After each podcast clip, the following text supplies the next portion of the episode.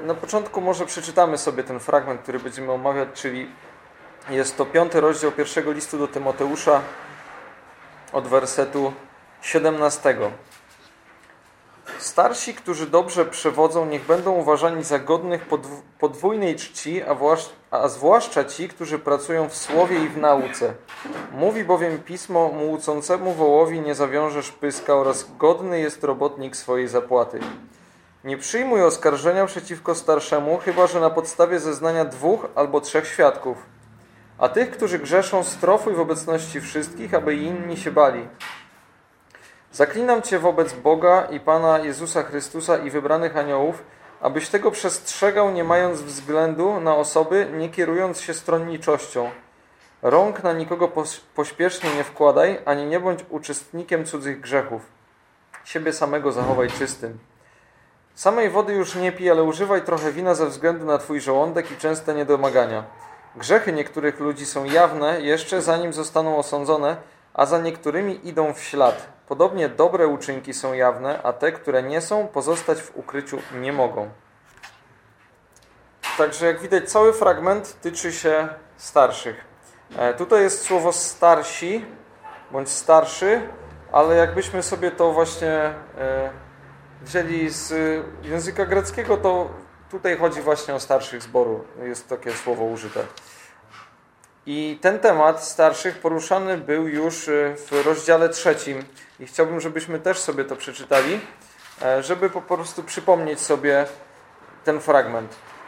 I tam z kolei e, jest użyte inne słowo jako biskupstwo bądź biskup. I to jest inne słowo też z greki.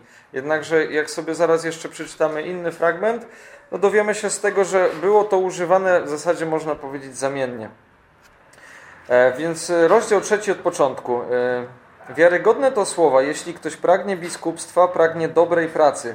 Biskup więc ma być nienaganny, mąż jednej żony, czujny, trzeźwy, przyzwoity, gościnny, zdolny do nauczania, nie oddający się piciu wina, nieskłonny do bicia, niełakomy na brudny zysk, ale opanowany, niekłótliwy, niechciwy. Dobrze rządzący własnym domem, trzymający dzieci w posłuszeństwie i wszelkim szacunku. Jeśli ktoś bowiem nie umie rządzić własnym domem, jakże będzie mógł troszczyć się o Kościół Boży? Nie nowicjusz, żeby się nie wbił w pychę i nie wpadł w, w potępienie diabelskie. Musi też mieć dobre świadectwo od tych, którzy są z zewnątrz, aby nie, nie ściągał na siebie hańby i nie wpadł w sidła diabła. I te siedem wersetów mówi niejako o wymaganiach, jakie mają spełnić starsi zboru.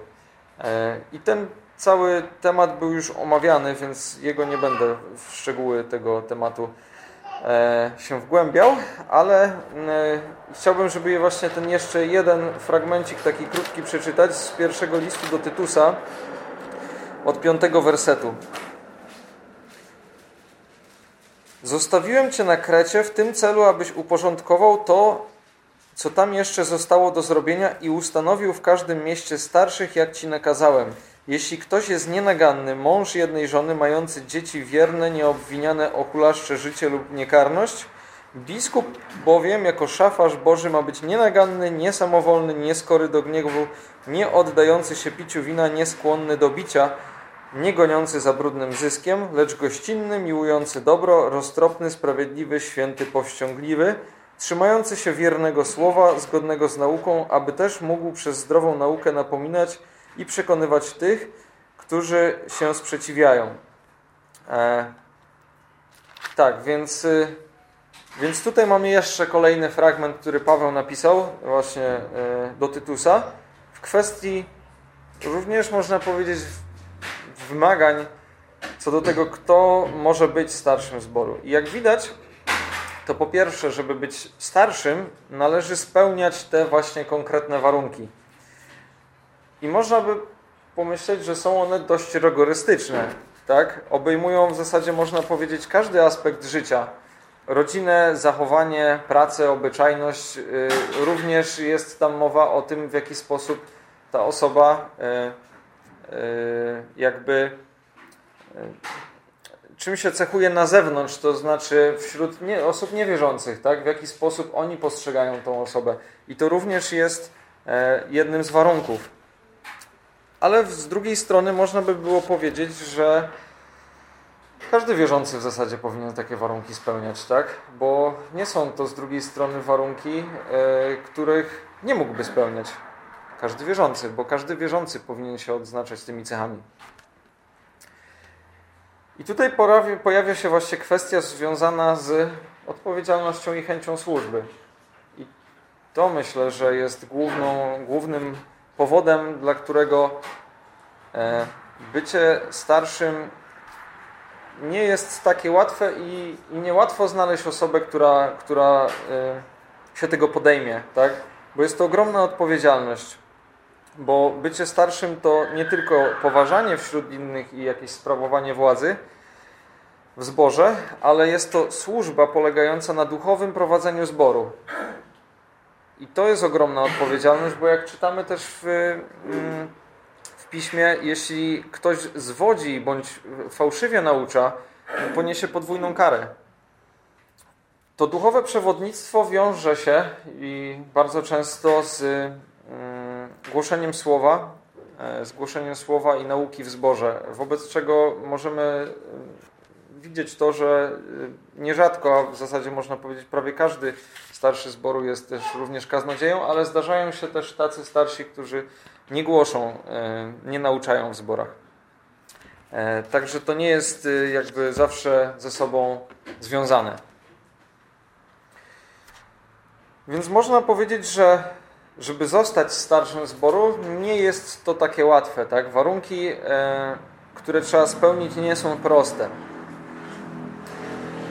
Więc nie można się dziwić, że Paweł pisze takie słowa. Starsi, którzy dobrze przewodzą, niech będą uważani za godnych podwójnej czci, a zwłaszcza ci, którzy pracują w słowie i w nauce. Tak?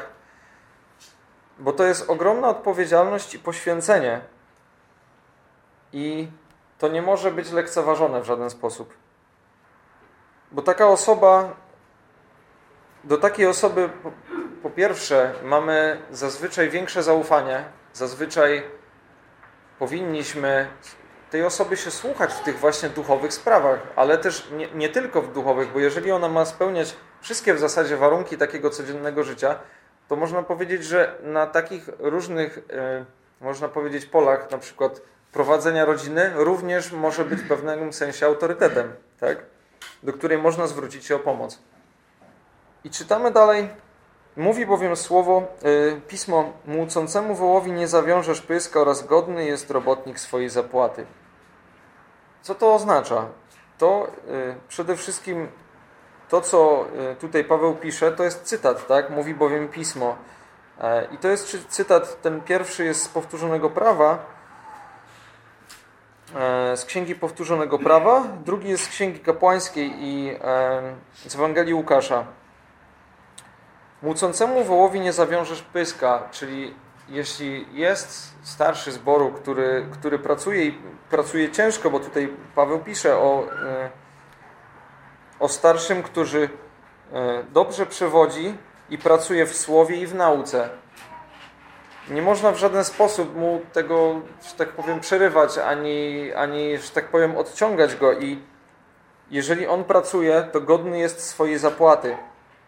I teraz oczywiście ta wdzięczność, jaką, jaką należy mieć do starszych, którzy, którzy dobrze pracują, głoszą słowo, e, jest bardzo ważna, ale też Pismo mówi o tym, że oczywiście im więcej pracujemy dla, dla Chrystusa, im więcej pracujemy głosząc słowo, głosząc Ewangelię, im więcej e, tego robimy, tym większa czeka nas nagroda w Królestwie Bożym. I to oczywiście jest tą najważniejszą zapłatą, jaką, jaką wierzący może dostać, tak? Ale z drugiej strony, jeżeli byśmy sobie pomyśleli, to jeżeli ktoś jest kaznodzieją, są starsi zboru, zboru którzy są, przewodzą e, zborowi samodzielnie, są jednocześnie kaznodzieją, są jeszcze jednocześnie prowadzą jakieś inne różne e, w środku tygodnia e, działalności dla zboru bądź poza zborem, nie wiem, jakieś szkółki, jakieś kursy, to można powiedzieć, że ciężko sobie wyobrazić, żeby taka osoba była w stanie, nie wiem, powiedzmy, na pełen etat pracować jeszcze w jakimś na przykład tak, u kogoś w firmie i zarabiać na siebie tak, żeby przeżyć. Może się okazać, że ten starszy zboru tak, będzie potrzebował na przykład jakiejś również pomocy ze zboru finansowej. I to oczywiście nie zawsze tak jest, ale może się tak zdarzyć, tak, że taka osoba będzie, będzie potrzebowała. I tak jak zresztą też czytamy, Paweł na przykład jako apostoł, który, który można powiedzieć zjeździł tam cały znany świat, on oczywiście też pisze, że pracował, tak? Ale raczej myślę, że nikt nie myśli sobie, że on po prostu jeździł i cały czas pracował, pracował. Tylko myślę, że też również przyjmował pewną pomoc, jakąś gościnę y, ze strony innych ludzi, którzy go po prostu przyjmowali w tych zborach. Teraz w następnych wersetach pojawia się kolejne zagadnienie związane z życiem w zasadzie można powiedzieć z każdej społeczności, czyli oskarżenie, jakie, jakie może paść. Tak? Tutaj e, Paweł pisze, nie przyjmuj oskarżenia przeciwko starszemu, chyba że na podstawie zeznania dwóch albo trzech świadków, a tych, którzy grzeszą, strofuj w obecności wszystkich, aby inni się bali. Czyli oznacza to jakąś sytuację, w której ktoś oskarża e, tego starszego zboru e, o popełnienie jakiegoś grzechu, tak? Tutaj oczywiście drogi są dwie. Jedna, czyli można powiedzieć trochę w cudzysłowie prostsza, czyli to, że to oskarżenie jest prawdziwe, tak? E, I tym się za chwilę zajmiemy oczywiście, tak? Ale druga trudniejsza, jeśli oskarżenia są fałszywe. No i teraz jak to zweryfikować, że takie oskarżenia są fałszywe? I na pewno osoba sama w sobie, tak, która jest oskarżana, może e, się obronić pewnym świadectwem swojego życia. Tak? Dużo łatwiej uwierzyć jest w oskarżenia, które padły wobec osoby, która, nie wiem, wielokrotnie wiemy, że upadała na przykład, tak? że, że ponownie upadła. I, e, I to może budzić nasze wątpliwości w prosty sposób. E, ale jeżeli widzimy osobę, która w, w żaden widoczny sposób nie e, oznacza się jakimiś upadkami, jakimiś grzechami, no to ciężko nam jest uwierzyć, zwłaszcza jeśli to jest osoba bardzo zaufana. Tak? Jeżeli to jest osoba, której ufamy, to ciężko nam uwierzyć, że ona nagle popełniła jakiś grzech. Tak? I jak można przypuszczać, to może spowodować duże błędy w ocenie. Tak? Bo ta pierwsza z tych osób która wielokrotnie upadała, mogła się naprawdę odwrócić od tego grzechu, tak? Mogła całkowicie, mógł Bóg ją e, pozbawić tego nałogu, którego na przykład trawił, tak? A z drugiej strony mogą być osoby, którym ufamy, którzy mają, można powiedzieć, niemalże stuprocentowe świadectwo, ale jednak wewnętrznie trawi go jakiś grzech, który po prostu jest niewidoczny. I wiemy też, no po prostu też z historii, że wielokrotnie czasami uwidaczniano grzechy ludzi, pozornie nieskalanych, wiele lat po tych, jak oni je popełniali, tak? Więc nie jest to łatwy temat, żeby, żeby ocenić taką osobę, tak? I dlatego Paweł pisze, aby przyjmować oskarżenia dopiero po na podstawie więcej niż jednego świadka, bo łatwo kogoś oskarżyć, zwłaszcza jeśli ktoś ma jakąś, powiedzmy, można powiedzieć, zaufanie społeczne i można mu bardzo łatwo zrujnować to zaufanie społeczne, ale trudniej mu później może być to czasem niemożliwe, żeby to odbudować. I to, o czym pisze Paweł tutaj, zgadza się z tym, co czytamy w Ewangelii Mateusza. W 18 rozdziale czytamy takie słowa. Jeśli twój brat zgrzeszy przeciwko tobie, idź strofuj go sam na sam. Jeśli cię usłucha, pozyskałeś swego brata. Jeśli zaś cię nie usłucha, weź ze sobą jeszcze jednego albo dwóch, aby na podstawie zeznania dwóch albo trzech świadków oparte było każde słowo. Jeśli ich nie usłucha, powiedz Kościołowi, a jeśli Kościoła nie usłucha, będzie, niech będzie dla ciebie jak poganin i celnik. Tutaj są te same praktycznie słowa, tak? Nie przyjmuj oskarżenia przeciwko starszemu, chyba że na podstawie zeznania dwóch albo trzech świadków, a tych, którzy grzeszą, strofuj w obecności wszystkich, aby inni się bali, tak? Czyli jeżeli mamy sytuację, e, że tu już jest ta sytuacja, gdzie, gdzie to oskarżenie się potwierdzi, tak? Czyli można powiedzieć to łatwiejsza. W cudzysłowie oczywiście. Że to oskarżenie się potwierdzi, że to jest prawda. Ten człowiek zgrzeszył. E, I mamy na to więcej świadków, ale on się od tego w żaden sposób nie odwraca. To wtedy strofuj go w obecności wszystkich, aby inni się bali. Czyli po prostu przed całym zborem. Ale tutaj mamy jeszcze jeden werset, który jest też bardzo ważny. Zaklinam Cię wobec Boga i Pana Jezusa Chrystusa i wybranych aniołów, abyś tego przestrzegał, nie mając względu na osoby, nie kierując się stronniczością. Nie możemy w żaden sposób e, subiektywnie patrzeć na, taką, na takie zagadnienie. Żadne sympatie albo antypatie do danej osoby nie powinny zasłonić nam oczu naprawdę. Nie może być mowy o stronniczości i to jest bardzo też szczególny przypadek, bo to jest osoba, która prowadzi zbór duchowo. Więc w przypadku tego, żebyśmy zbagatelizowali taki problem, może się to okazać y, dużo mieć dużo poważniejsze konsekwencje niż w przypadku brata lub na przykład siostry, którzy, że tak powiem, nie pełnią jakiejś takiej bardzo odpowiedzialnej służby w zborze, tak? To też oczywiście ma zawsze wpływ. I to ogromny wpływ. Ale tutaj Paweł dosadnie to e, nam tutaj dodaje taką, taką kwestię. I teraz, jeżeli się zastanowimy, że jest to taka odpowiedzialna funkcja i i może mieć to takie mocne konsekwencje. To widzimy tutaj również, że Paweł Tymoteusza przestrzega przed jedną rzeczą.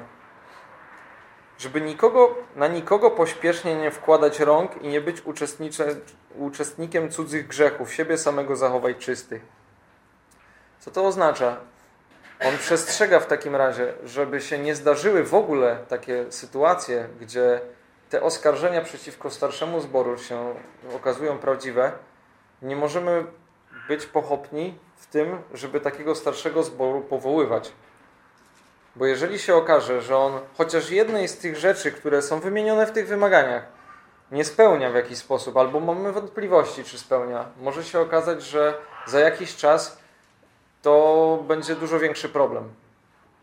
I co więcej, e, on tutaj pisze do Tymoteusza, że jeżeli on to zrobi, tak, powoła takiego starszego, to będzie uczestnikiem jego grzechu.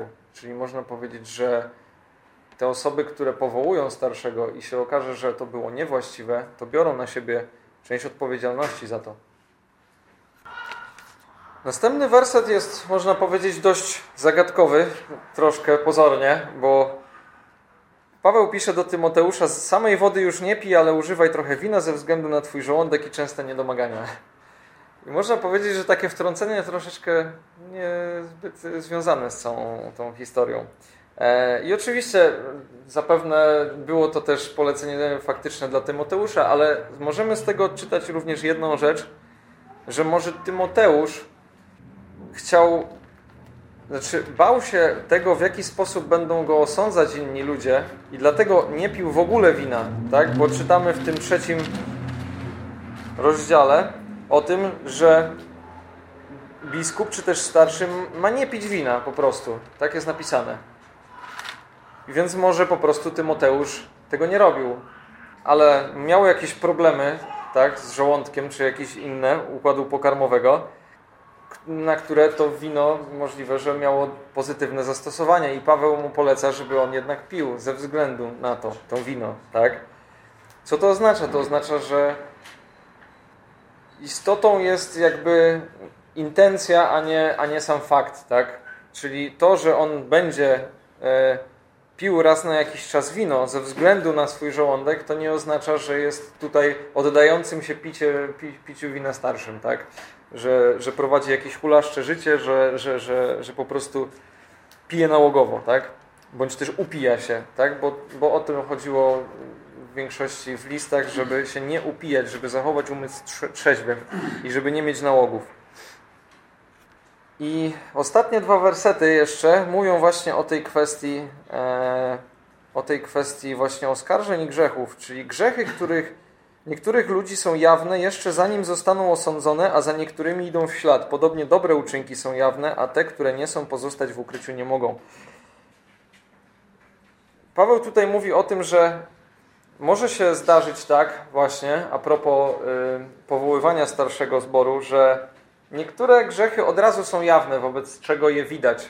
Są widoczne na pierwszy rzut oka, ale czasami niektóre grzechy widać dopiero jak ktoś zostanie poddany osądowi i, i zostanie bardzo pieczołowicie zweryfikowany, bo nie wszystkie grzechy są widoczne po prostu. Tu jest napisane właśnie, za niektórymi idą w ślad w Biblii UBG. E, w warszawskiej zdaje się, że jest to troszkę bardziej e, jasno i tak zrozumiale e, napisane.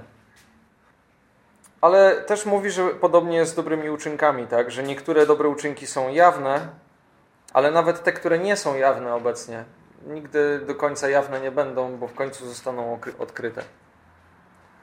Widzimy zatem, że jest tu kilka bardzo ważnych spraw poruszonych w związku ze starszymi zboru. Pierwszą rzeczą, bardzo ważną, jest to, że muszą być oni wypróbowani. Muszą spełniać wszystkie warunki, które były wspomniane i tym e, rozdziale trzecim i w liście do Tytusa. I to ustrzega zbór przed zwodniczym prowadzeniem przed, przez niewłaściwych ludzi, przed zwodniczym nauczaniem. To prędzej czy później wyjdzie, tak? Drugą ważną kwestią jest to, że muszą być oni szanowani i poważani. Ponieważ ktokolwiek młodszy lub nowy w zborze mógłby zlekceważyć taką osobę albo jakieś napomnienia, albo nauki tej osoby, jeżeli cała reszta ludzi, którzy y, w zborze są od dłuższego czasu, ich lekceważą. Więc y, tutaj jest napisane, mają być godni podwójnej czci. Oskarżenia przeciw nim nie powinny być przyjmowane z łatwością. To jest kolejny punkt aby pochopnie nie utracili powagi tego, co czynią, tego, tej służby, którą mają. Bo taką powagę i zaufanie trudno jest przywrócić. Czasami jest to niemożliwe, a oskarżenia mogą się okazać pomówieniami. Więc jakby kluczem do takich właściwych decyzji może być po pierwsze zaufanie, ale po drugie też roztropność. I myślę, że też nie możemy zapomnieć o tym, oczywiście, że to Duch Święty prowadzi zbór i prowadzi każdy zbór, wobec czego należy zawsze każdy taki temat, który się pojawi w związku e, z osobą, która prowadzi zbór, trzeba bardzo długo przemodlić, żeby dostać odpowiedź od Boga, czy jak się te sprawy mają. Bo. Mm, bardzo łatwo jest powołać starszego zboru, który nie będzie się nadawał i również bardzo łatwo może być tak, że e, odwoła się, bądź też w jakiś sposób e, oskarży się starszego zboru, który na to kompletnie nie zasługiwał. Więc jak widzimy, temat ten nie jest łatwy, e, zwłaszcza, że jest tu mowa o, o duchowym przewodnictwie zboru. Więc naprawdę Myślę, że najważniejszą kwestią jest to, żeby, żeby zawsze dobrze przemodlić takie sprawy, żeby każdy, każda osoba w zborze, każdy członek dobrze to przemodlił, żeby dostać od Boga tą pewność, jak, jak te sprawy się mają. I trzeba też mieć na uwadze, że tutaj jest mowa o starszych zboru i to nie jest jedyne miejsce, gdzie jest o tym mowa, wobec czego starsi zboru to nie jest jakieś enigmatyczne pojęcie, tylko to jest pewna służba i funkcja. I tak jak mieliśmy kazania na temat Ducha Świętego, również mówiliśmy o darach Ducha Świętego. To często może się wiązać z tym, że ta osoba ma jakieś dary, które wykorzystuje. Więc nie możemy na pewno zniechęcać tych osób, ale też jeżeli ta osoba ma jakieś potrzeby, pamiętajmy o tym, żeby te potrzeby spróbować w jakiś sposób wspomóc, żeby ta osoba mogła się wykazać i mogła używać tych darów Ducha Świętego, które otrzymała od Boga. Amen.